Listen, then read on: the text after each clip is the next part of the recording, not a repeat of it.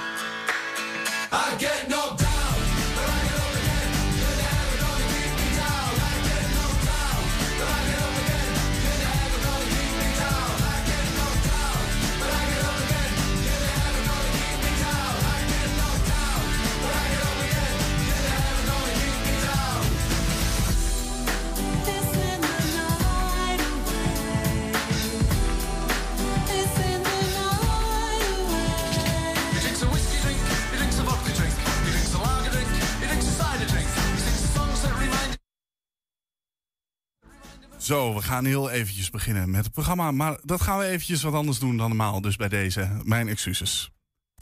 120. Weet wat er speelt in Twente. Met nu het nieuws van 4 uur. Goedemiddag, ik ben Martijn Richters. De partij Volt heeft meer laten weten over het grensoverschrijdende gedrag van Kamerlid Gundogan. Dat was naar mensen binnen de partij. Volt praat eerst met de melders en laat Gundogan daarna haar verhaal doen. Ze is geschorst omdat mensen anders bang zouden zijn om te vertellen wat ze hebben meegemaakt. Thijs H. moet ook in hoger beroep TBS met dwangverpleging krijgen. Zijn psychiater over de drievoudige moordenaar. Volgens hem is hij knettergevaarlijk en kan hij zo weer iemand doden als hij niet de juiste behandeling krijgt. H. kreeg eerder van de rechter ook een gevangenisstraf van 18 jaar. Over de oud-directeur van de stichting Kanjerwens zijn nog meer ontuchtmeldingen binnengekomen. Vorige week werd bekend dat het OM hem verdenkt van ontucht met zeker twee minderjarige jongens. Of de nieuwe meldingen betekenen dat er ook meer slachtoffers zijn, is niet bekend. Kanjerwens vervult wensen van ernstig zieke kinderen.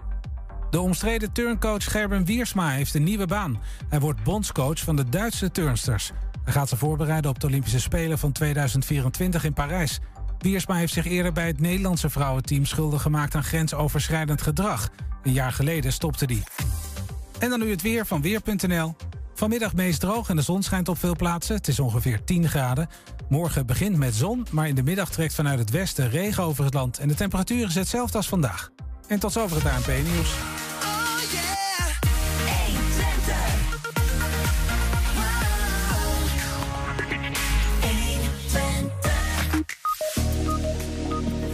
Hugo Koetsveld, SP-lijstaanvoerder in Hengelo, ligt onder vuur van vragenspuren Wilco Lauwers. Ja, en op de dag van de liefde, Valentijn, een expert aan tafel. Een van de hulpverleners van het, jawel, seksexpertise-netwerk... over jongeren, grenzen, preventie en hulp als het toch misgaat. Er zijn licht en er was licht. In Hengelo in elk geval wel. Een bescheiden begin van wat moet uitgroeien tot een groots festival van licht. En als we de geluiden mogen geloven, gaan er versoepelingen komen. Maar krijgen al die theaters eh, eh, die weer mogen hun programmering wel rond? Het is maandag 14 februari. Dit is 120 vandaag. 120. 1. 120 vandaag. Het woondebat voedt al jaren. Pre-corona besteden we er al twee afleveringen van 053 aan. Maar de woonnood dreigt ons naar de lippen te stijgen. Er zijn er niet genoeg en wat er is, is te duur. Onbetaalbaar voor hele volksstammen. In de talkshow Kracht van Enschede ging het vrijdag over wonen. Aan tafel onder andere Charles Donkerwolde, makelaar in Enschede... en Martine Veldman van Humanitas Onderdak...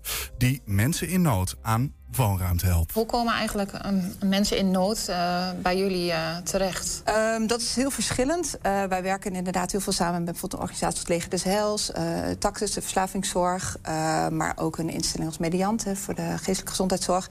maar ook wijkcoaches die, ehm, die mensen begeleiden die uit huis gezet worden, waarbij een huisuitzetting niet meer tegen te houden is. Mm. Dus zo zijn eigenlijk wel verschillende manieren waarop mensen bij ons binnenkomen. Ook wel eens vanuit detentie, als mensen de gevangenis mogen verlaten, maar nog geen vervolghuisvesting hebben. Dus eigenlijk is het heel, uh, uh, nou, heel divers. Mm. En, en, wonen is eigenlijk een basisbehoefte. Ja. Um, ja. Waaraan merk je um, nou, zeg maar die, de nood? Dus hoe merk je, wat doet wonen als basisbehoefte met een mens?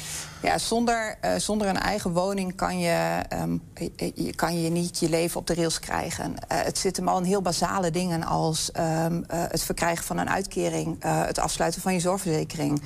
als je geen eigen adres hebt, geen woning hebt, en dan kan dat allemaal niet. Um, dus echt voor überhaupt om te kunnen, te kunnen leven, ja, heb je een woning nodig. Okay. Hoe, hoe, hoe groot is het probleem in de stad? Nou, wij hebben uh, in Enschede uh, um, hebben wij uh, ongeveer 50 plekken voor maatschappelijke opvang. En in Hengelo hebben we er 20. Um, en we zien eigenlijk dat die altijd vol zitten. De winter is nu, dus dan hebben wij de winternoodnachtopvang hebben wij open. Dat is een plek waar, ja, een vorm van nachtopvang. En daar zien we ook eigenlijk elke nacht zo tussen de 15 en 20 mensen die daar een, een beroep op doen. Oké. En, en, groeit het? Of, of wat, wat, zijn de ontwikkelingen? Ja, nou je ziet landelijk dat, um, dat de afgelopen tien jaar het aantal mensen dat dakloos is, uh, um, is gegroeid. En aan die, die groei lijkt nu wat, die lijkt gelukkig wat te stagneren. Maar ja, wij, zien nog, wij zien inderdaad wel ja, dat, het, dat het probleem groot is. Ja. En heeft het, de, de krapte op de woningmarkt ook effect? Uh, merk, ja. je, merk je daar iets van? Ja, daar merken we ook zeker wat van. Uh, als je het hebt over de, nou, zoals wij dat dan noemen, onze achterdeur. Onze achterdeur slipt dicht. Uh, het is voor mensen heel moeilijk om vanuit de opvang weer een woning te krijgen. Ja. Um, dus dan vind ik het ook altijd wel lastig als er gevraagd wordt van hoeveel mensen vangen jullie dan op. Ja, dan lijkt het alsof het de afgelopen jaren wat, wat, wat minder is geworden. Alsof de problematiek minder is. Maar um, wat wij juist zien is dat mensen langer bij ons um, mm. verblijven omdat ze moeilijker die vervolgstap kunnen uh, maken. Oké. Okay. En uh, uh, jij bent makelaar al een hele tijd? Ja. in de stad, dus je kent Enschede goed en de woonsituatie. Heel goed. Wat zie je op dit moment? Wat zijn de trends en ontwikkelingen? Een tekort. Tekort aan woningen eh, in alle sectoren. Oké. Ja, er is, eh, er is bijna niks te koop. Dat is, dat is ook niet fijn voor een makelaar. Nee, dat is, eh, dat is een uitdaging. Oh ja. Dat is een uitdaging. Het is een uitdaging om eh, ervoor te zorgen. Eh, in de crisis hadden wij met ons kantoor 225 panden in de verkoop. En dan, hè, dan praat ik over de jaren 2008, 2014. Oh ja. Op dit moment heb ik er eh, denk ik nog 20. Jeetje. Maar met die 20 verkoop ik meer dan met die 225 in die tijd. Ja, ja. Omdat het nu hele korte, intensieve ritjes zijn. Je hebt weer wat en dan verkoop je het weer en dan krijg je weer wat nieuws. Nou, gaat, eh, nou heeft eh, eh, de gemeente Enschede gezegd dat we als stad moeten groeien naar 170.000. hè. We zitten nu op 160.000. Eh 170.000. En er is ook een beetje aan gerekend. Dat betekent dat er tussen de 6500 en de 9000 woningen bij moeten komen. Ja. Hoe moet dat? Nou ja, eh, er wordt links en rechts gebouwd. Maar niet dat soort aantallen, toch? Of? Er wordt links en rechts gebouwd, dat is één. Eh, er wordt ook eh, alle, mogelijke, alle mogelijkheden worden aangegrepen. Je ziet dat vroeger de bovenwoningen, bovenwinkels leeg stonden. Die worden nu ook al, langzaam allemaal benut. Dus van alle kanten eh, grote objecten worden opgesplitst in kleinere units. Dus van alle kanten komen er eh, toch meer units bij. Oké. Eh, Maar eh, 10.000 mensen erbij, gaat dat lukken, denk je?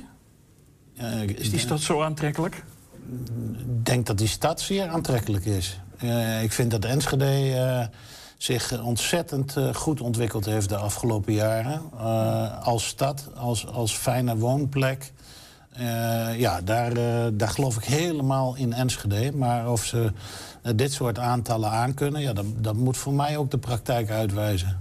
Maar eh, jij vindt het wel een positieve ontwikkeling? Die groeiambitie? Ja, eh, zeker. Maar goed, groeiambitie. eh, er is eh, nu al structureel meer vraag dan aanbod. Ehm, doordat er eh, te weinig eh, aanbod is, krijg je dus ook eh, te weinig mensen die door kunnen groeien. In de, in de crisis stagneerde de markt, omdat een hoop mensen wel veranderende woonwensen hadden, maar niet wat deden voordat hun eigen huis verkocht werd. En dat lukte maar niet. Nu zie je eigenlijk hetzelfde effect, maar dan andersom. Er zijn een hoop mensen die best wat willen, die, eh, die hun huis niet te koop zetten, omdat ze bang zijn dat ze dan bij mijn overbuurvrouw terechtkomen. Ja, ja, ja, ja, precies. Ja. En jij, jij hebt dus eigenlijk ook met een woonwens te maken. Ja. En, je, en jullie praten denk ik meer met eh, sociale partners in de stad... om naar die woonwens te kijken. Ja. Ja, en, ja, ja. en wat zijn dan eh, nou, bijvoorbeeld eh, de sociale eh, woningbouw? Ja, het zijn de corporaties inderdaad. Dat Ja. zijn voor ons heel belangrijke instellingen... als je het hebt over die vervolgplek voor mensen. Ehm, en daar zijn we ook heel goed over in gesprek met elkaar. Van, op welke manier kan je zorgen dat mensen zo snel mogelijk bij ons weer kunnen uitstromen... en weer zelfstandig kunnen wonen. Ehm, en daar zie je dat ja, ambities en mogelijkheden dan toch nog wel eens botsen. Ehm, eh, landelijk eh, in het vorige kabinet onder staatssecretaris Blokhuis is eh, gezegd... Eigenlijk zou je de durende opvang maximaal drie maanden moeten Mhm. zijn. Ehm, nou, dat betekent dat je, dat je na drie maanden een, een woning eh, ehm, zou moeten hebben. Ja, daarvan zeggen de corporaties ook, met, met de beste wil in de wereld is dat, is dat onmogelijk. Wij willen heel graag met jullie samenwerken en kijken hoe snel we die bemiddeling kunnen doen. Maar ehm, ja, naast onze doelgroep hebben ze natuurlijk ook nog een heleboel andere eh, mensen te bedienen. Even eh, toch een ja, misschien wat lastige vraag, lastig te beantwoorden vraag. Als je nou naar de toekomst kijkt, vijf, tien jaar, wat, wat, je hebt al die ervaring. Wat, wat verwacht jij de komende vijf à tien jaar? Waar moeten we rekening mee houden? Ja, dat is een wat lastig te beantwoorden vraag. maar ik ga het toch proberen. Ehm, ik, eh, de afgelopen jaren is de prijs door die druk op de markt... onder andere door die druk op de markt... eh, zijn de prijzen eh, te hard gestegen. En dat kon allemaal ook nog doordat de rente eh, lager en lager werd. En eh, ik denk dat de lage rente inmiddels wel verdisconteerd is in de waarde van het onroerend goed. Met andere woorden, het zal moeten dempen. Want eh, als deze stijging zo doorgaat, dan wordt het straks alleen nog de elite eh, die, eh, die zich een huis kan permitteren. En dat, dat, dat, dat kan niet. Nee, dat kan niet. Nee. Dat kan niet. Dus eh, ik, ik voorspel dat, het, dat de extreme groei van de prijzen... dat dat nu wel een beetje zal gaan dempen. En daar moeten we ook denk ik alles aan doen, want dat is niet gezond. Een, een, geleidelijke stijging is prima, maar de harde stijging zoals we die nu zien is niet gezond. Nee. En, en daar- dan worden de huizen onbetaalbaar. Eh, maar, eh, dus die, de, doordat de huizen onbetaalbaar worden, zal het geremd worden. En aan de andere kant zou het ook mooi zijn als er meer aanbod komt... waardoor die druk wat van de markt afgaat. Dus eigen ple- pleit je voor regulering. Eh, maar Nee. niet per se. Nee, ik geloof, ik geloof pertinent niet in regulering. Mhm. De vrije marktwerking is de enige. Het enige wat je kunt doen, dat is de enige markt die werkt. En de rest is allemaal kunstmatig protectionisme. De 8% overdrachtsbelasting om huisjesmelkers het lastiger te maken... en daarmee de particulier meer kansen te geven, die werkt gewoon niet. Want De huisjesmelker die zegt, ik heb de eerste twee jaar geen rendement... en koopt vervolgens toch, eh, toch weer een huis. En de, wo- en de woonplicht? Ja, de, de, de zelfbewoningsplicht is, Ja. wel iets, is wel iets wat zou kunnen werken. Maar eh, mijn motto is altijd... leef met vlag en wimpel, maar hou het simpel. Dat komt van, van Coat en Bie van vroeger. Ja. Maar dat is zo'n goede, eh, eh, zo'n goed motto. Eh, hoe minder je in hoeft te grijpen, zorg nou dat er meer huizen komen. En dan komt het vanzelf in een gezonder evenwicht terecht. En al dat ku- kunstmatig protectionisme leidt tot het scheeftrekken van verhoudingen. Ik geloof er niet in. Oké. Hoe kijk jij daar tegenaan?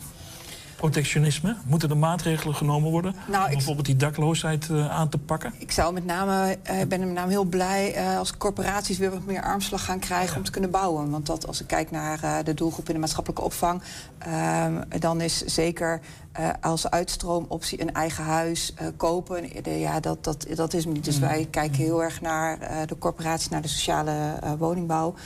Ehm, en dan, ja, dus ik ben blij dat bijvoorbeeld de verhuurdersheffing, eh, Ja. dat, dat, weer, eh, dat ze die gaan afbouwen. Want ik denk, je laat corporaties alsjeblieft wat meer armslag krijgen om te gaan, eh, om te gaan bouwen. Eh, ehm, eh, ik hoop ook dat, dat er een stop komt, op het eh, verkopen van corporatiebezit. Oh ja. Je moet zorgen dat je, er ook, dat je ook aan die onderkant van de woningmarkt gewoon echt voldoende eh, aanbod hebt. Hm. Ehm, ik denk, ja, die, die ambities eh, groeien naar 170.000 eh, inwoners is hartstikke mooi. Maar zorg ook alsjeblieft voor de mensen in je stad, eh, voor de mensen die er al zijn. Ehm, en daarvoor heb je ook een, een goede, solide onderkant van de woningmarkt nodig. Ja. En eh, merk jij al iets van de, de trek vanuit de Randstad naar het oosten? Nou, minimaal. Minimaal. Eh, af en toe kom ik er wel eens een tegen die zegt... eh, in Amsterdam woon ik op een flatje van 45 vierkante meter... en hier woon ik voor hetzelfde geld in een vrijstaand huis. Af en toe. Maar meestal zijn er toch mensen die wel binding hebben met deze regio. De, de, eerste, de eerste klimaatvluchtelingen hebben zich ook nog niet gemeld. Klimaatvluchtelingen... Ja, dus, ja, mensen uit het westen die, die denken... we wonen vijf meter onder de zeespiegel. Nee, Ik, eh, nee, ik trek nee. de kuierlatten. ik ga naar het oosten. Nee, nee, nee. nee, nee, nee. Verwacht je, verwacht je ook nee, niet? die- dus? nee, die verwacht ik niet. Merk jij al iets eh, van een trek uit de Randstad? Bij jouw doelgroep? Nee. Oké. Nee, ja, en ik vind het altijd eh, lastig, hè, want natuurlijk zie ik, eh, zie ik wel eens bij ons dat mensen vanuit het westen zich bij ons melden in de, in opvang. Eh, maar tegelijkertijd, ja, ik weet ook niet welke Enschedeer naar Amsterdam gaat of naar Utrecht. Nee. Ehm, dus ik vind dat je heel voorzichtig moet zijn met dat soort uitspraken, eh, eh, omdat je ook niet weet welke ehm, verhuisbeweging de andere kant op, op is. Dus ik, ik zie daar niet, ehm, nee, niet. Oké. Nou, even dan, dan- nog, nog een keer naar de toekomst. Ja. Wat moet Enschede doen om aantrekkelijk te blijven als woonstad? Helemaal niks. Enschede is aantrekkelijk als woonstad. Oké. Ik, vind Enschede, ik ben zeer enthousiast over Enschede. Nou, mooi om te horen. Absoluut. En eh, het enige wat Enschede zou kunnen doen is eh, meer woningen bouwen. Hm. We kunnen ze kwijt. Oké. En ik denk dat het eh, goed is voor beide kanten van de tafel. Ja, snap ik ook wel. Ja. Nou ja, en toch, daar, toch nog even om daarover door te zeuren misschien. Want er is nog een doelstelling, een hele belangrijke. Eh, dat is namelijk, we willen talent eh, behouden of aantrekken en behouden. Ja. Eh, is daar een relatie met de woningmarkt? Kunnen we daar iets aan doen? Kunnen we dat bevorderen? Ja, meer woningen natuurlijk. Ja. Ehm, Of een ander aanbod? Nou ja, ik, ik, ik merk, eh, ik, ik praat veel met de mensen die ik tegenkom... eh, die op zoek zijn naar een huis. En ik merk dat er een, eh, een groep is die na hier gestudeerd te hebben... hier blijft hangen. Hmm. En dat heeft natuurlijk te maken met het feit dat er hier ook banen zijn voor die mensen. Ja, oh ja, tuurlijk. Ja. Dus na, naast woningen, werk. Ja. Heel belangrijk. En, en lukt het dan ook om bijvoorbeeld ehm, in je netwerk te kijken... eh, om die mensen ook via informele routes te verbinden... met potentiële verkopende partijen? Merk je dat, daar, dat je daar als makelaar ook invloed op kan hebben? Die, ik, hoe bedoel je dat? Nou, dat, je, dat je merkt, van, goh, de, eh, misschien eh, zijn er mensen op leeftijd... waarvan ze, die zeggen van mijn huis is eigenlijk aan de grote kant... maar ik weet nog niet, komen dat soort partijen ook bij jou... dat je merkt van, Ja. dat, het, dat het helpt om, eh, om die verbindingen te leggen? Nou ja, die, die, dat is mijn werk. Die Ja. verbindingen leggen. Ja. Eh, mensen, komen, mensen komen bij mij die huizen zoeken. En mensen komen bij mij die huizen willen verkopen. Het is, maar we zien ook dat die markt ook, eh, nou ja, dat eh, mensen, de, de boomers of de babyboomers, ook vaak mooie, mooie grote huizen eh, ja, bij zich houden. Is daar, merk je daar ook dat daar. Is Doorstromen. Dat een, doorstromers. Ja, dat is wat ik, wat ik eerder in het gesprek al zei. Die Ja. doorstroom die stagneert op dit moment. Hè, die, die, de, de mensen die eh, inmiddels de kinderen wijd en breed de deur uit hebben... en eigenlijk wel toe zijn aan een appartement... die zetten hun huis niet te koop omdat ze dat appartement niet kunnen vinden. Ja, ja, ja. Die willen, de- er is best een groep die wat wil... Hè, maar op dit moment zijn huis niet te koop zetten... omdat ze niet wat anders kunnen vinden. Want dat is de volgorde op dit moment. Eerst wat kopen en dan je eigen huis verkopen. Mhm. Want wat vinden is moeilijk. En je eigen huis verkopen, dat hebben we zo gefixt. De hele aflevering van Kracht van Enschede over wonen kun je terugkijken op onze website 120.nl en op ons YouTube-kanaal. Zometeen Valentijnsdag, The Voice, Overmars en hashtag MeToo. Alles wat ertussenin zit. Hoe hou je het leuk en oké? En wat als het niet zo is? En woon je in Enschede of Hengelo, dan willen we van jou horen wat er volgens jou echt aangepakt moet worden in jouw stad. Wij leggen jouw mening dan voor aan die partijen die meedoen aan de gemeenteraadsverkiezingen in maart. Dus dit is jouw kans om verschil te maken. Ga dan naar 120.nl slash vragenlijst. Dan kun je kiezen tussen Enschede en Hengelo. En kies dan even voor je eigen stad. En zo maak jij het verschil. 120. 120 vandaag. Wie zijn de gezichten van de partijen waar we in Enschede en Hengelo op kunnen stemmen in maart? En wat vinden zij in Ik teken voor, tat, voor, ik teken voor 80? Zo, dat dat is echt lekker, een tongbreker, jongen. Van hier, tot van hier tot Tokio. Storten we een vuur van vragen uit over de lijsttrekkers van beide steden. Vandaag onderwerpen wij aan het vragenvuur. Lijsttrekker Hugo Koetsveld van de SP in Hengelo is een van de jonge honden in de Hengeloze politiek. 10 kon je inkijken. 10, 9, 8, 7, 6,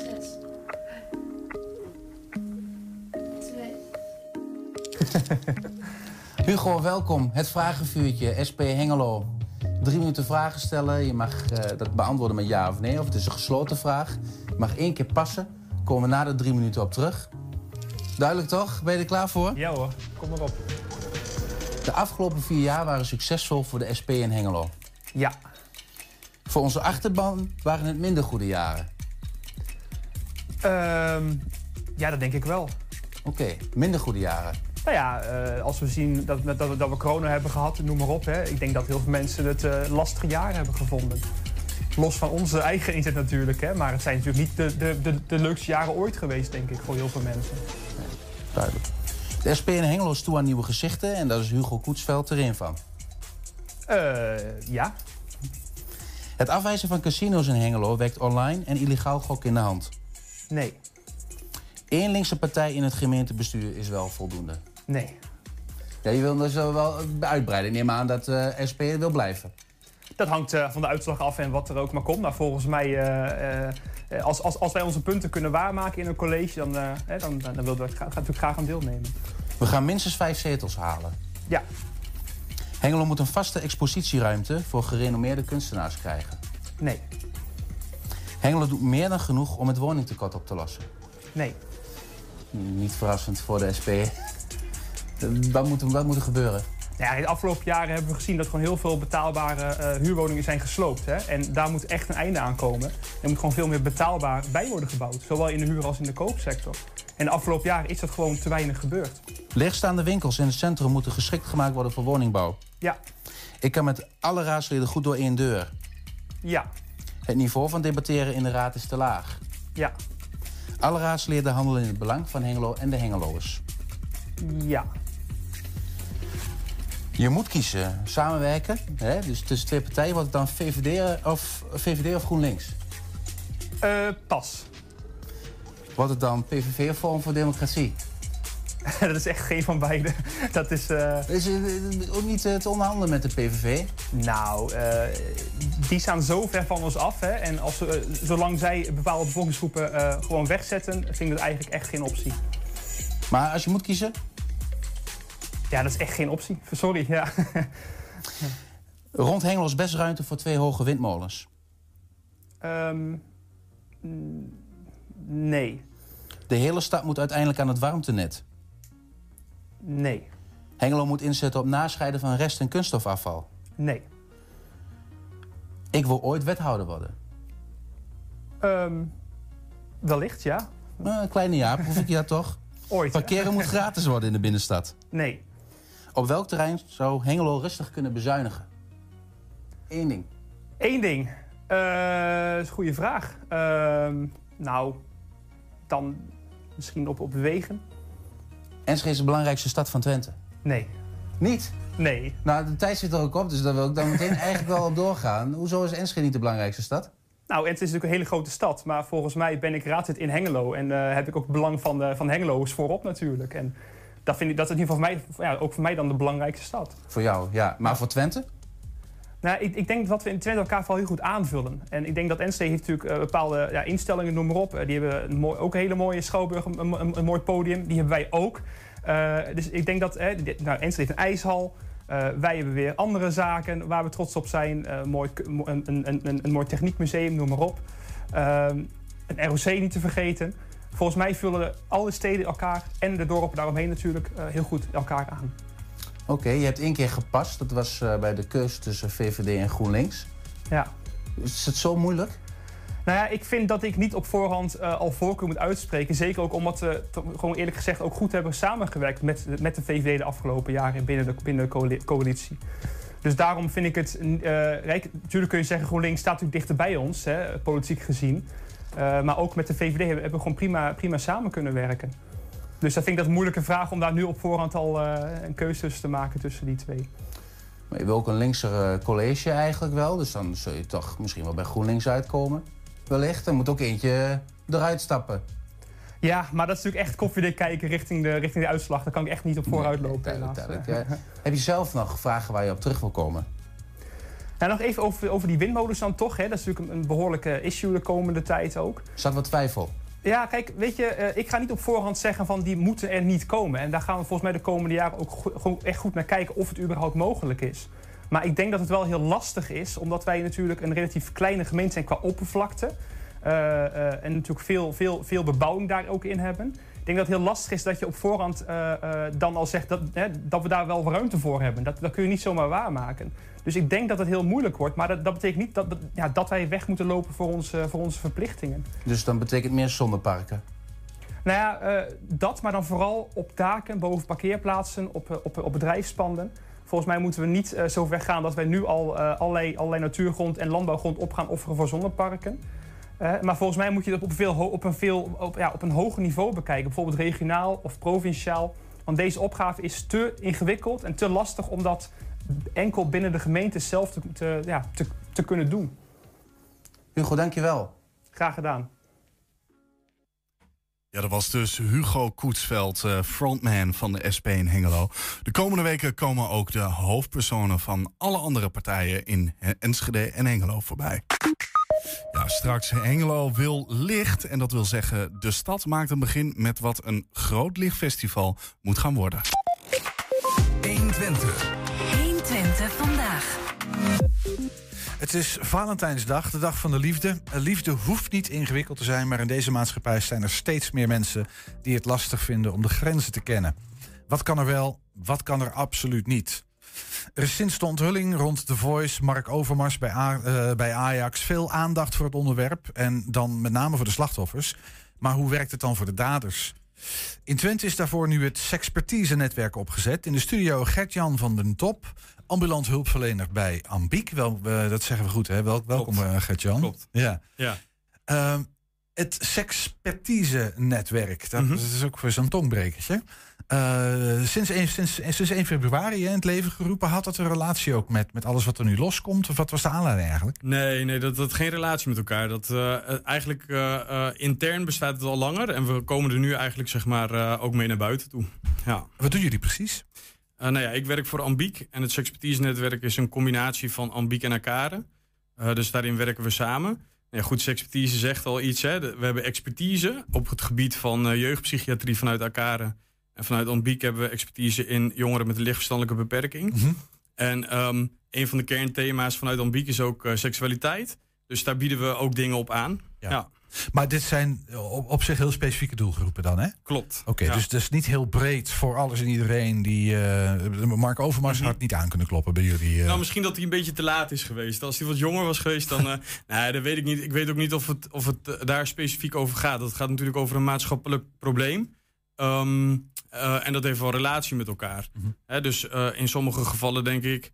eh, als je het hebt over preventie, kunnen we daar ook heel veel in doen. Als het gaat om wat we vanuit het Sexpertise-netwerk doen.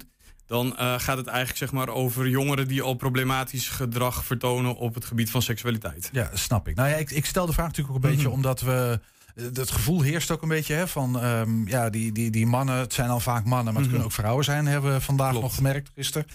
Eh, die over de schreef gaan, iets doen we niet helemaal. Sporen die gasten wel helemaal. Ja. je- weet je, dat is een beetje de, het- de, de, de, de teneur. Mhm. En je, en je zou kunnen zeggen dat jullie een beetje werken met mensen die al wat lichtverstandelijke beperking hebben of zo. Mhm. Bijvoorbeeld, ja. Ehm, maar- maar waar zit de scheidslijn? En dan wat bedoel je de scheidslijn? Nou, de scheidslijn tussen.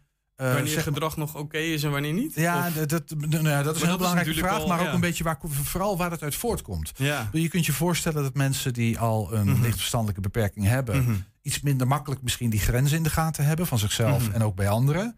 Maar dat mag je van eh, mensen die geen verstandelijke beperking hebben, mag je dat toch een soort van vooronderstellen. Die weten dat wel. Ehm, ja, in sommige gevallen zou je kunnen zeggen, hij, ze zouden beter moeten weten. Ja. ja. Maar dat is dan niet zo. Maar goed, jullie richten je toch wel heel vooral Mhm. eh, op deze groep eh, lichtverstandelijke. Ja, ook Jongeren? ook jongeren zonder eh, verstandelijke beperking. Kijk, als het gaat om het expertise-netwerk, dan krijgen we dus eigenlijk jongeren aangemeld die op wat voor manier dan ook ergens mee over de grens zijn gegaan. Mhm. En ik denk dat het heel interessant is om te kijken van wat voor factoren hebben daar nou van, zijn daar nou van invloed op.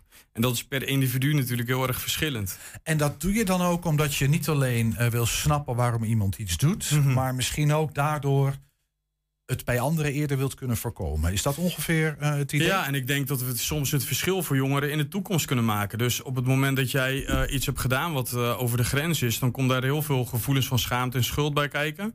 En op het moment dat je daar niks mee doet en je laat dat maar gaan, ja, dan kun je je afvragen, zeg maar, hoe moet dat er dan uit te zien in de toekomst? Dus het is denk ik heel erg belangrijk om daar op tijd bij te zijn en daar de juiste dingen in aan te bieden. Ja.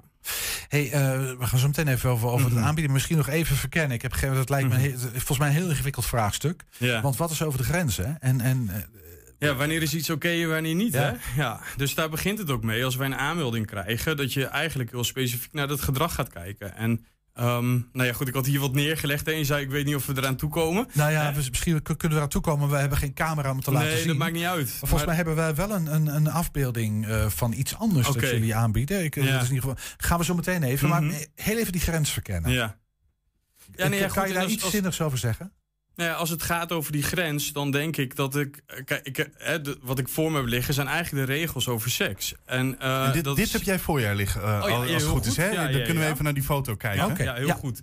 Ja, kijk, eh, de regels over seks, daar begint het eigenlijk een beetje mee. Hè? Als je wil weten of iets helemaal oké is, of een beetje over de grens, flink over de grens of zwaar over de grens. Mhm. En eh, eigenlijk zou je dat wel willen meegeven hè, aan deze maatschappij. Dat je daar naar elkaar kan met elkaar naar kan kijken. Welke regels horen er nou bij? Nou, je noemde net het voorbeeld van Mark Overmars. Hè, maar dan heb je het eigenlijk ook over gelijkwaardigheid, waarin eh, dat wel wat zoek is op het moment dat jij een machtspositie hebt. En dan kan iemand misschien wel ergens ja op zeggen. Hè? Is er consent of toestemming, lijkt het in eerste instantie. Maar de vraag is of dat er ook is. Ehm, want op het moment dat je te maken hebt met die machtsverhouding, kun je afvragen of je daar op een goede manier ja of nee op kan zeggen. Dat is helder. Maar belangrijk dat we met elkaar het gesprek voeren, natuurlijk, Mhm. uiteraard. En dat verkennen. En jullie doen dat met jongeren. Klopt. En eigenlijk ook vooral vanuit het idee om, dat, om, om, om echt ellende voor te zijn. Ja, nee, goed, als het gaat om vanuit de ontwikkeling, eh, dan eh, eh, vanuit je ontwikkeling, als je jong bent, dan zoek je grenzen op, maar je moet ook dingen kunnen ontdekken. Dus dat gaat op sociaal gebied, maar ook op seksueel gebied. Wat zien we hier, Gert-Jan, dit plaatje? Ik, ik zie een groene vlaggetje, een geel vlaggetje, een Mhm. rood vlaggetje... en ik denk iets van een diep paars of een zwart vlaggetje zelfs. Zo- Ja, zwart. Met ja, wat klopt. smileys. ja, ehm, klopt. Ja, nou eigenlijk is dit zeg maar iets waar je mee inzichtelijk kan maken of iets over de grens is of niet. En eh, nou ja, goed, ik had dit even als voorbeeld meegenomen. Ik dacht, oh ja, als je het heel concreet gaat hebben over gedrag, dan zul je dat eerst helder moeten hebben. Hè? Of eh, waar je het eigenlijk over hebt, zeg maar. Dus dit is eigenlijk een hulpmiddel wat we ook gebruiken in de behandeling. eh, En dat doe je dan, dan zit je aan tafel met, met iemand en dan leg je Mhm. dit is een soort ja, bijna een bordspel Klopt, zou je zeggen, ja, ja. op tafel. En dan ga je een aantal vragen langs of zo. Ja, dat kan. En eigenlijk, kijk, op het moment wat ik al zei, hè, dus er komt heel vaak heel veel schaamte en schuld bij kijken. Dus op het moment dat je inzichtelijk maakt van wa- waar zit het hem nu in, hè, als het gaat om gedrag, dan kun je ook gaan kijken van hey, hoe kun je dat oplossen. Er is heel veel jongeren die grensoverschrijdend zijn. ehm, eh, en, en daar een goed antwoord op geven, hè, wat we vanuit het Sexpertise Netwerk proberen te doen. Ehm, dan hoeft het niet zo te zijn dat het in de toekomst ook door blijft gaan. Eh, dus dan kom je ook een beetje op het stukje preventie waar je gewoon iets op wil aanbieden eigenlijk. Snap ik. En heel even de helderheid, jullie, jullie, dit gaat vooral over daderschap, hè? over het voorkomen van daderschap. Mhm. Klopt, Dat ja. klopt, hè? Ja. Hey, en, en dat Waar de grensoverschrijdend, scheidslijn soms ook wel weer heel erg eh, dun is. Omdat heel daders vaak slachtoffers zijn. Ja, dat kan. Ja, ja, dat is dan een van die factoren die van invloed kunnen zijn op het gedrag. Ja, dus Ja. dat is denk ik ook voor ons de kunst om erachter te komen. Hé, wat is dat gedrag nu precies? En eh, hoe kunnen we daar een goed antwoord op geven? Is het nou zo dat, dat ehm, jongeren, maar misschien het algemeen mensen die grensoverschrijdend gedrag vertonen, Mhm. eh, beperkt zich dat tot seksualiteit? Of zie je dan dat dat grensoverschrijdende gedrag op veel meer terreinen van het leven plaatsvindt? dat is wel een mooie vraag. Want als jij eh, moeite hebt met impulscontrole, dan zul je dat ook in andere dingen terugzien. Ja, Ja, ja, Dus dat is dan eigenlijk ook een risicofactor voor ook het plegen van seksueel grensoverschrijdend gedrag. Wat natuurlijk ook weer een hele brede term is. Hè? Dus als je het hebt over seksueel misbruik, is dat eigenlijk zeg maar, valt onder de paraplu van seksueel grensoverschrijdend zijn. Zeg maar, hè? Dus, Ja, daar heb je natuurlijk allerlei gradaties in. Klopt. Hey, in, in dit, dit, dit soort tools, zeg maar, is, is- is dat door jullie zelf ontwikkeld? Eh, ja, dit heb ik zelf ontwikkeld. Maar Dat ook heb jij ontwikkeld zelf? Ja, dit heb ik zelf ontwikkeld. Ja, en het is, eh, ik heb dit ook meegenomen omdat, omdat het volgens mij heel inzichtelijk maakt om te kijken van waar je het over hebt. Maar vanuit het expertise-netwerk gebruiken we wel veel tools, om het zo te zeggen. En ook in de ontwikkeling van hey, wat moet je nu precies eh, aanbieden op het moment dat, dat je weet welke factoren van belang zijn. Ja. Dus ehm, nou ja, pas op de grens is bijvoorbeeld een, een, een methode die we daar eh, samen met de Waag in Ambiek en elkaar hebben ontwikkeld. Eh, of nou ja, goed, vanuit de- Waag ontwikkeld. En eh, wij hebben daar ook een beeldende versie van gemaakt, zodat je dat eigenlijk ook zo goed mogelijk weer aan jongeren kan uitleggen. Ja. Ja, het gaat heel erg over het uitleggen. Hè? Want ik, ik Klopt. zie, voor, voor de mensen die geen beeld hebben... Mhm. ja, we zien smileys en, en een paar vragen en duimpjes omhoog. Het is heel Ja, beeldend. Klopt. Is, dat, is, dat, is dat heel belangrijk? Of heeft het met jullie doelgroep ook wel te maken? Al, beide, denk ik. Maar we leven natuurlijk sowieso in een maatschappij waar het heel erg belangrijk is om beeldend te zijn. En eh, ehm, nou ja, eh, je wil eigenlijk zeg maar, eh, nou, wat ik al noemde, die regels. Maar bijvoorbeeld zo'n module ga je eigenlijk ook heel stapsgewijs vaak ook kijken van... hé, hey, maar wat is er nu precies gebeurd en hoe kun je dat ook in de toekomst voorkomen? Ja. Ja. Heb je een voorbeeld van, van ehm, iemand die het licht zag? Ja, wel heel veel. Want juist die jongeren die we dan in behandeling hebben. ehm, en soms dan heb je na een half jaar bijvoorbeeld weer contact. En dan zeg je hoe gaat het nu? En soms kijk je heel erg naar die factoren die dan van invloed zijn, wat ik al noemde. Eh, maar dat kan ook zijn. Wat voor om- factoren zijn dat? Noem nou, bijvoorbeeld als iemand eh, heel sociaal onhandig is, hè, of, of eh, geen vrienden heeft van zijn eigen leeftijd, dan kan dat ook invloed hebben op de manier waarop je relaties aangaat. Dus als er dan bijvoorbeeld misbruik heeft plaatsgevonden met een jonger kind, dan kan een factor zijn dat diegene eigenlijk zeg maar gewoon moeite heeft om contact te maken met leeftijdsgenoten. Ehm, en dat heeft dus ook weer invloed op de toekomst. Dus op het moment dat je eh, daarin dingen gaat aanbieden, dan kan het zijn dat je iemand een heel ander toekomstperspectief geeft. Maar je, maar je hebt het eigenlijk over hele complexe en, en diep, diepgaande psychologische eh, ontwikkelingen hè, die mensen dan moeten doormaken. Ja, dat klopt. Maar daar moeten ze wel in begeleid worden. Ja, en eh, eh, soms dan is dit een onderwerp wat we met, met elkaar lastig vinden om te bespreken. En op het moment Ja, dat we. dat is met, met ja, seks natuurlijk sowieso. Ja, dat klopt. Wat dat En betreft dan- leven we nog steeds een soort van in de middeleeuwen. ook soms. Klopt, nou ja, soms en als je het dan wegschuift, ja, we verwachten maar dat jongeren dan zelf het wiel uitvinden. Ja, dat gaat niet gebeuren. En als het misgaat, dan, zeggen, we- dan geven we ook nog het wijzende vingertje en eh, zetten we ze bijna ehm, zeg maar, eh, eh, op, aan de schandpaal. Hè? Ja, ja dat, dat is een grote neiging, merk je nu Mhm. natuurlijk ook. En, maar er zit ook wel een soort van. Ja, heb, je dan nooit dat je de opmerking krijgt van mensen in je omgeving of Mhm. anderen die zeggen van ja, hou nou eens op met dat zij eh geitenwolle sokken gedoe met die daders. Mhm. Gewoon eh, lik op stuk, straf erop en eh, opsluiten die handel, castreren, weet ik wat, wat mensen allemaal Nou ja, roepen, kijk, hè. een, een lik op stuk of straf hoeft natuurlijk niet per se verkeerd te zijn. Want op het moment dat jij schade toebedeelt aan iemand anders, dan moet dat stoppen. Mhm. Alleen de vraag is hè, of het dan helpt om iemand aan die schoonpaal te nagelen. Of dat je gaat kijken van hé, maar hoe kan ik diegene nou helpen? Daar zit denk ik het verschil in. Denk je dat op? Ja, dat is natuurlijk een hele grote vraag. Maar het is natuurlijk, dit, dit, dit, gedrag is, is, schoot me net ook te binnen hoor. Want Mhm. Ja, dit is natuurlijk door de eeuwen heen is, heeft het altijd plaatsgevonden. Eh nou, kennelijk is er nu de behoefte. Je, je hebt deze tool ontwikkeld. Eh, is, is het een soort van voortdurend menselijke zoektocht naar hoe we dit fatsoenlijk met elkaar doen? Denk ik wel, maar het begint gewoon met praten met elkaar over wat wel of niet kan. En eh, ehm, eh, dus als we daar nou eens mee beginnen, met elkaar het gesprek erover hebben. Dus dit is meteen een mooi voorbeeld hè, Ja. dat we hier het over dit onderwerp hebben. Eh, ehm, dan, hè, dus soms is het zo als je tegen jongeren zegt: hé, hey, als er wat is op dit gebied. Kom dan bij me. Of hè, het is een bespreekbaar punt. Dat kan al zo'n groot verschil maken voor jongeren. En jij Ehm, zegt jongeren, hè? Wat, wat, welke leeftijdsrange is dat? ja, wij, eh, eh, nou ja, eigenlijk zeg maar, als je het over jongere kinderen hebt, dan heb je het natuurlijk vooral ook over eh, wat je doet in de opvoeding. Dus daarin ondersteunen we bijvoorbeeld ook ouders op, op- of opvoeders. Ehm, en in Je helpt ouders praten met hun kinderen over, over dit thema, over seks ja, en over om te grenzen. kijken van wat nou eigenlijk bij de ontwikkeling past. Hè? Want soms dan doen kinderen dingen waarvan wij dan zeggen... maar dat is zwaar over de grens en dat kan echt niet. Terwijl het eigenlijk bij een ontwikkeling past. En, en da- daar moeten ze ook in begeleid worden. Ehm, en eh, daarnaast zeg maar, hebben we natuurlijk ook jongeren die dan eh, over de grens zijn gegaan... die we eh, behandeling bieden. En dat is ongeveer tot 23 eigenlijk tot 18, om, maar omdat we ook zeg maar, de doelgroep jongeren met een lichtverstandelijke beperking hebben. Die zitten vaak sociaal-emotioneel iets lager, wat dat betreft. Hey, en dan nog heel even naar die jongeren, want ik vind, je hebt nu de leeftijdsrange aangegeven. Kan je iets zeggen als het gaat om seksueel overschrijdend gedrag? Hè? Eh, kan je iets zeggen over de verhouding jongens-meisjes? Maakt dat echt, zit daar verschil in? Of, of eigenlijk niet eens zo heel erg? Nou ja, ik denk wel dat eh, we on- jongens wat anders meegeven. Hè? Dus als het gaat om eh, bijvoorbeeld als een jongen heel veel verschillende vriendinnetjes heeft, dan vinden we dat vaak stoer. En als een meisje dat heeft, dan vinden we er een hoer. Even heel plat gezegd. Eh, maar daar zitten natuurlijk wel thema's van onze maatschappij in. Dat je je kan afvragen van hey, hoe voeden we onze kinderen eigenlijk op? En is dat de juiste manier? Hey, is dit een pilot die jullie een tijdje uitvoeren? Of is dit gewoon een, een, een, een gezetteld eh, het aanbod dat jullie doen? Is, is, Nee, dit is echt onderdeel van ons Ja. aanbod. En eh, daar zijn we eigenlijk al heel lang mee bezig om dat te ontwikkelen. En eh, dat gaat alleen maar meer worden. En wat ook nog goed is om te noemen, is dat wij zeg maar, in het expertise netwerk in de eerste schil, zeg maar, Ambiek en Arcade samenwerken. Maar daarnaast ook vooral heel erg de samenwerking met andere organisaties zoeken. snap En eh, nou ja, goed, zodat we samen met elkaar het juiste aanbod hebben. Ik kan me voorstellen, iedereen die iets met jongeren te maken heeft, onderwijs, noem het op.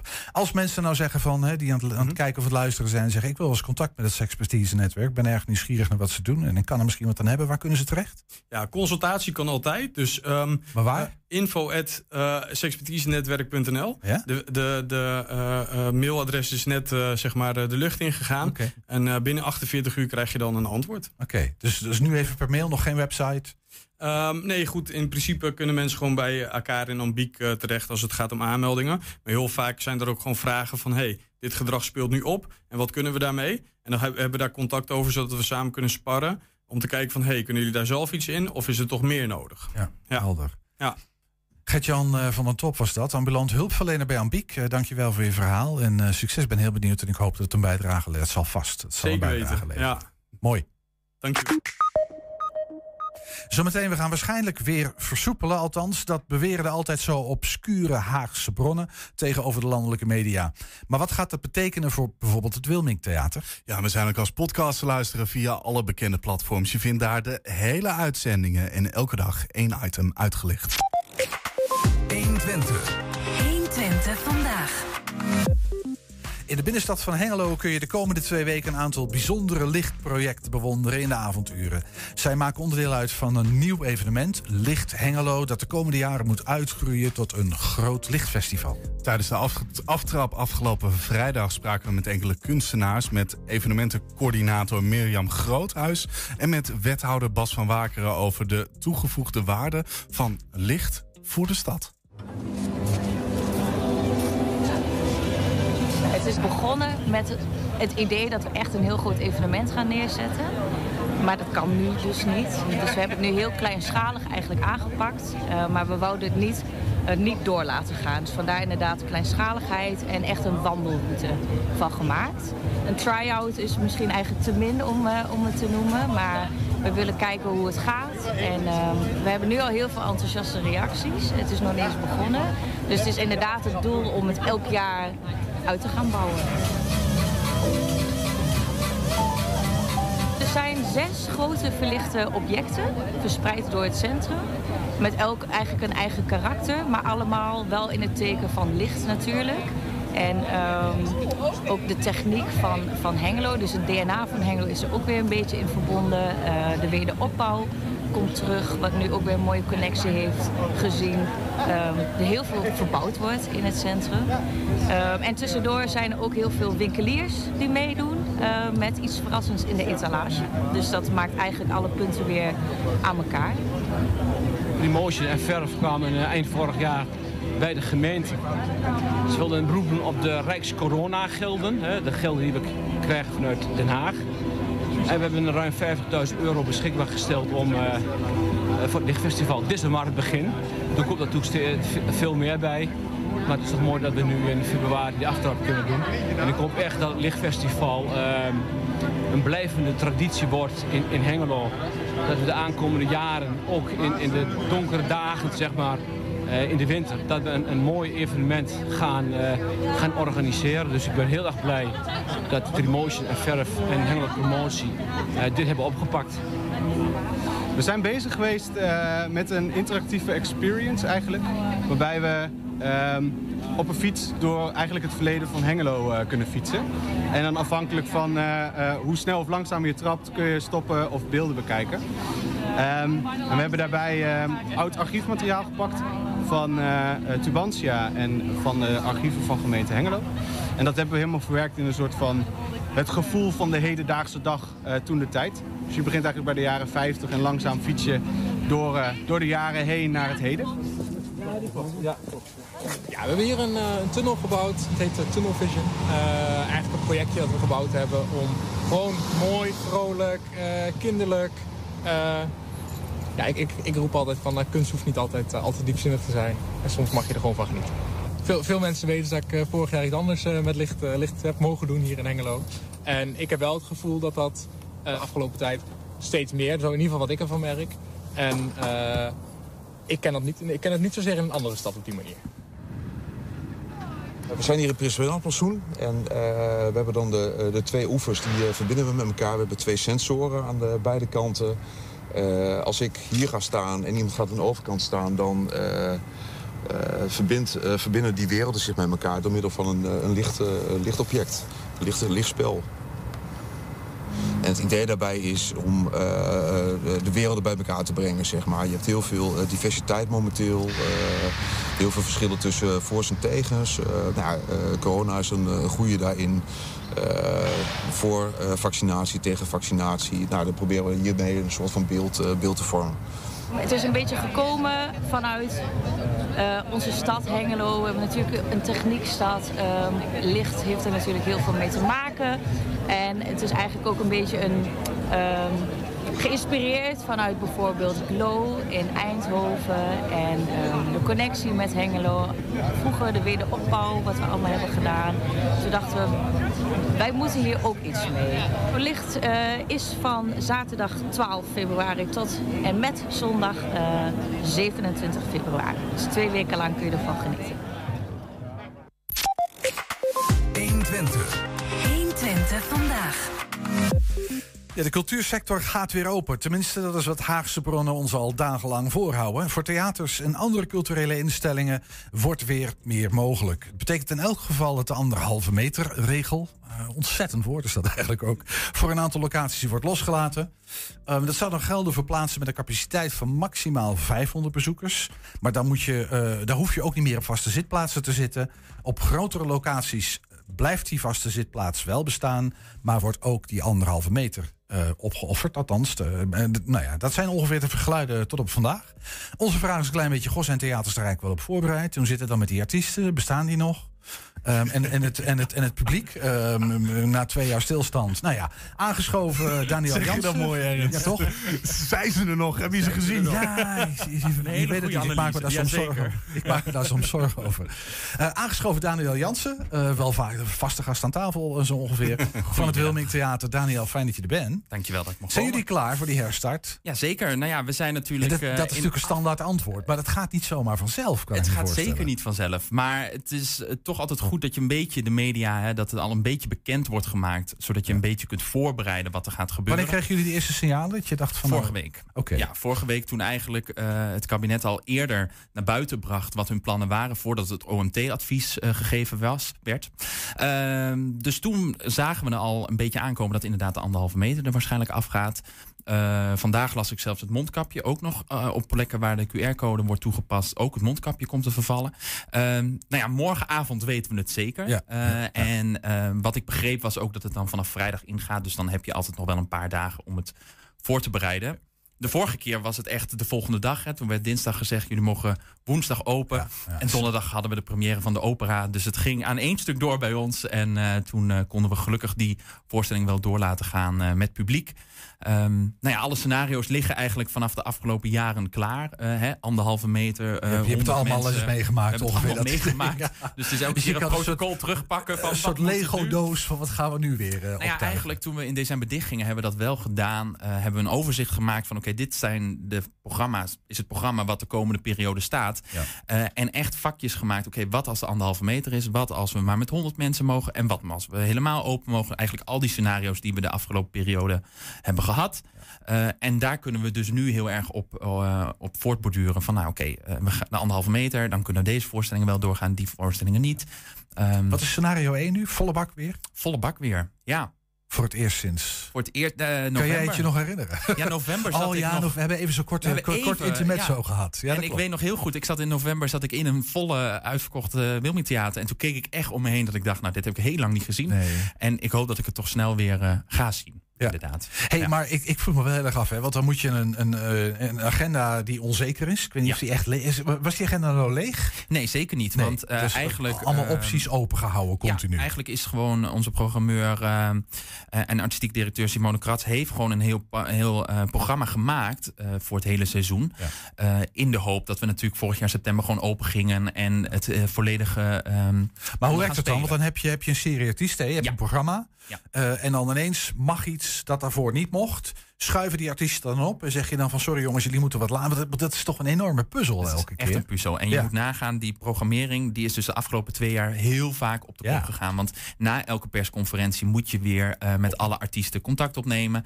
Uh, en inderdaad kijken van kunnen jullie spelen, kunnen jullie niet spelen. Uh, het zijn dus eigenlijk in dat opzicht allemaal opties die in de agenda staan. de meeste zijn ook wel gewoon in verkoop, omdat we dan, dan van uitgaan dat die kunnen spelen. Maar ja, we hebben heel vaak afgelopen jaren meegemaakt dat een voorstelling inderdaad of verplaatst moest worden.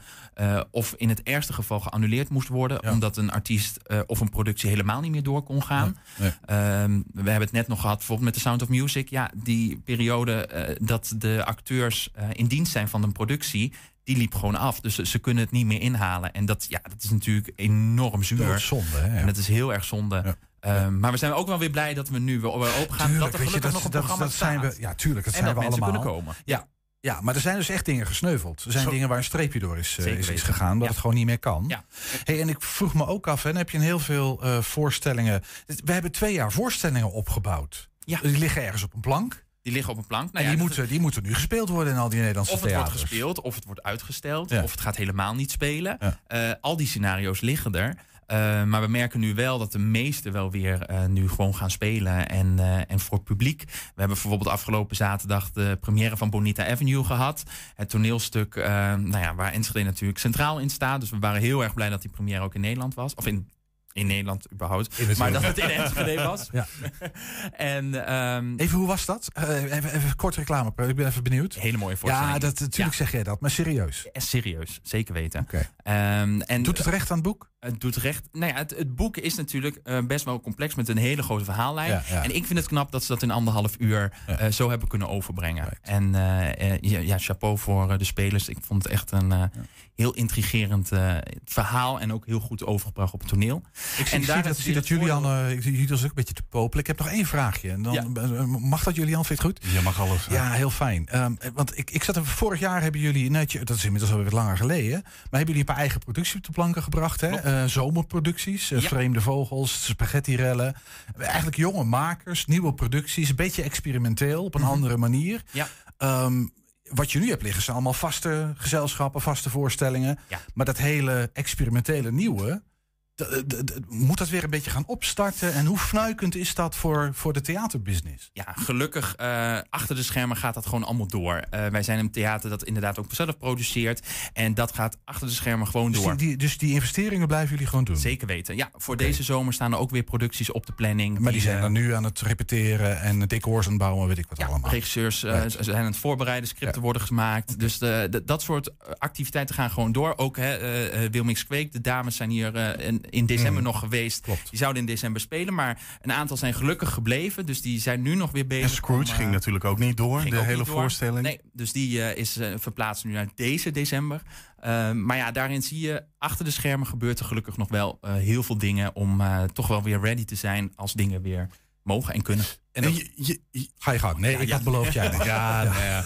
want ik, ik, ik vraag me dan af, we zitten zo in dat negatieve van, eh, ja, we, we konden iets niet, we konden heel veel niet. Ja, je hebt nu die, die lockdowns veel achter elkaar gehad. Mhm. Zijn er nou ook echt dingen uitgekomen waarvan je denkt, hey, dit, dit, dit hebben wij even gepakt en dit willen wij houden eh, wanneer alles weer naar volle capaciteit open gaat? Ja, er zijn echt een paar inderdaad leermomenten geweest. Eh, en de grootste is denk ik wel dat we altijd een jaar van tevoren een programma gingen aankondigen in eh, april, wat mei eh, van een heel seizoen. Compleet boekje. Een heel boekje. Eh, en ja, daarin hebben we nu uit twee jaar gezien dat dat niet meer op die manier kan. Dat we veel korter erop en veel, ehm, veel meer op het moment leven dan al een jaar vooruit gaan plannen. Dus dat is ook iets wat we zeker eh, eh, gaan vasthouden. Dat we niet een heel seizoen meer gaan aankondigen, maar, gewoon in etappes. Is dat omdat je daar het voordeel van ziet of is het omdat je voorzichtiger bent geworden? Beide. En wat, wat is het voordeel daarvan? Het voordeel daarvan is dat we eh, meerdere contactmomenten hebben met het publiek. Hè. Meer, vaker kunnen zeggen van hé, hey, er is weer wat nieuws. Eh, Zo Mhm. zie je dat het programma steeds weer eh, aangevuld wordt. Ehm, en de andere was. En, of, of, of het, of het uit, uit voorzichtigheid geboren Uit was. Van, ja, je weet nooit wat er gebeurt, dus we dat maar niet meer doen met het boekje. Want het kost een hoop geld. En, eh Nou ja, wat, de de voorzichtigheid is ook in het aanbod vanuit, vanuit de markt. Eh, artiesten gaan op een later moment beslissen, gaan misschien nog niet heel erg ver vooruit eh, plannen. En dat geeft voor onze programmering weer kans om misschien. eh, ja, soms moesten we neven kopen als halverwege een seizoen iemand kwam van: Oh, ik heb nog een hele gave voorstelling. En Nee, nu- ja, onze planning zit al vol. En nu kan je misschien erin fietsen. wel. Ja, Ja. precies. Dus die flexibiliteit heeft grote voordelen. Zeker weten. Gaan jullie met een toegangscode werken? Of weet je dat nog niet? Hangt, het hangt ook van die persconferentie Hangt af van de persconferentie en wij volgen onze branchevereniging van alle theaterzalen en concertzalen. En daar wordt altijd een advies uitgebracht, eh, zodat alle theaters in Nederland daarin hetzelfde zijn. Dan begint die horeca natuurlijk een beetje op te spelen. Hè? Die zeggen van we, we zijn het wel zat met die, eh, met die toegangscode. Wij eh, willen dat niet meer. Nee. Is, is dat een geluid dat je snapt? Snap ik. Zeker voor hun mensen die binnenlopen. Ik denk dat bij ons de drempel iets lager is, omdat mensen ook al een ticket hebben. Het is nu alleen een kwestie van, ja, je moet nog een QR-code scannen. Eigenlijk twee tickets laten zien. Twee tickets laten idee. zien. Ja. Ja, Dus ook voor jullie wat minder belastend dan voor een horecaondernemer? Ja, ik denk het wel. Ja, ja. Maar eh, daarin ook, ja, we wachten gewoon af wat eh, de branchevereniging gaat doen. Ja. ja. Volgzaam hoor. Zeker. nee, maar ja, we proberen natuurlijk eh, altijd een, een, een veilig en verantwoord bezoek voor de, de mensen ook te genereren. En, eh, Wat staat er op het menu? Vrijdag, zaterdag? Wanneer gaan we open? Ja, wat Eh, kunnen we, we eten? zijn- ja, we- wat kunnen we voor lekkere Wat voorstellingen we-? We zijn al open, dat scheelt. Eh, het is eh, nu nog gewoon eh, op de anderhalve meter. En we hebben gewoon deze week al een programma. Ja, maar jij, je, jij gaf het al van in november zat je hele zaal vol. En toen zei je, dit wil ik wel graag weer een keer weer zien. Ja. Dit weekend ga je het waarschijnlijk weer eh, meemaken. Wat is dan het eerste wat op het menu staat? Mm, De eh, eerste voorstelling. Op volle capaciteit, hè? Op volle capaciteit. Ja, dat kan nog niet. Want we Oh. hebben natuurlijk nu allemaal op anderhalve meter verkocht. Dus vanaf, vanaf dinsdag kunnen we weer verder gaan verkopen. Maar ik denk dat eh, die nu in, in wachtlijst staan... zijn bijvoorbeeld de Drieërs, ehm een Dominique Seldes eh, van Maestro. Dat zijn er nu voorstellingen die staan nu nog op wachtlijst... omdat ze uitverkocht zijn op anderhalve meter... En dat hoop ik toch na dinsdag, dus na morgen, dat we dan eh, daar weer volle zalen hebben. Nou, we hopen het met je mee, eh, Daniel. En voor de mensen die Bonita Avenue gemist hebben, 5 maart komt hij terug naar het Wilmin Theater. En dan hopelijk ook in een volle zaal. Ja, dat hopen is wij zeker de aanrader. Volle stadions, volle zalen. We Ja. willen er allemaal bij zijn. Daniel. Jans- Jansen was dat van het Wilming Theater. Dankjewel. Jullie bedankt. Ja, en tot zover 120 vandaag. Terugkijken, dat kan direct via 120.nl. En vanavond om 8 en 10 zijn we ook op televisie te zien. Zometeen kun je hier gaan genieten van Henk Ketting met zijn tweede deel van de kettingreactie. Veel plezier en tot morgen. 120. Weet wat er speelt in Twente. Met nu het nieuws van 4 uur. Goedemiddag, ik ben Martijn Richters. De partij Volt heeft meer laten weten over het grensoverschrijdende gedrag van Kamerlid Gundogan. Dat was naar mensen binnen de partij. Volt praat eerst met de melders en laat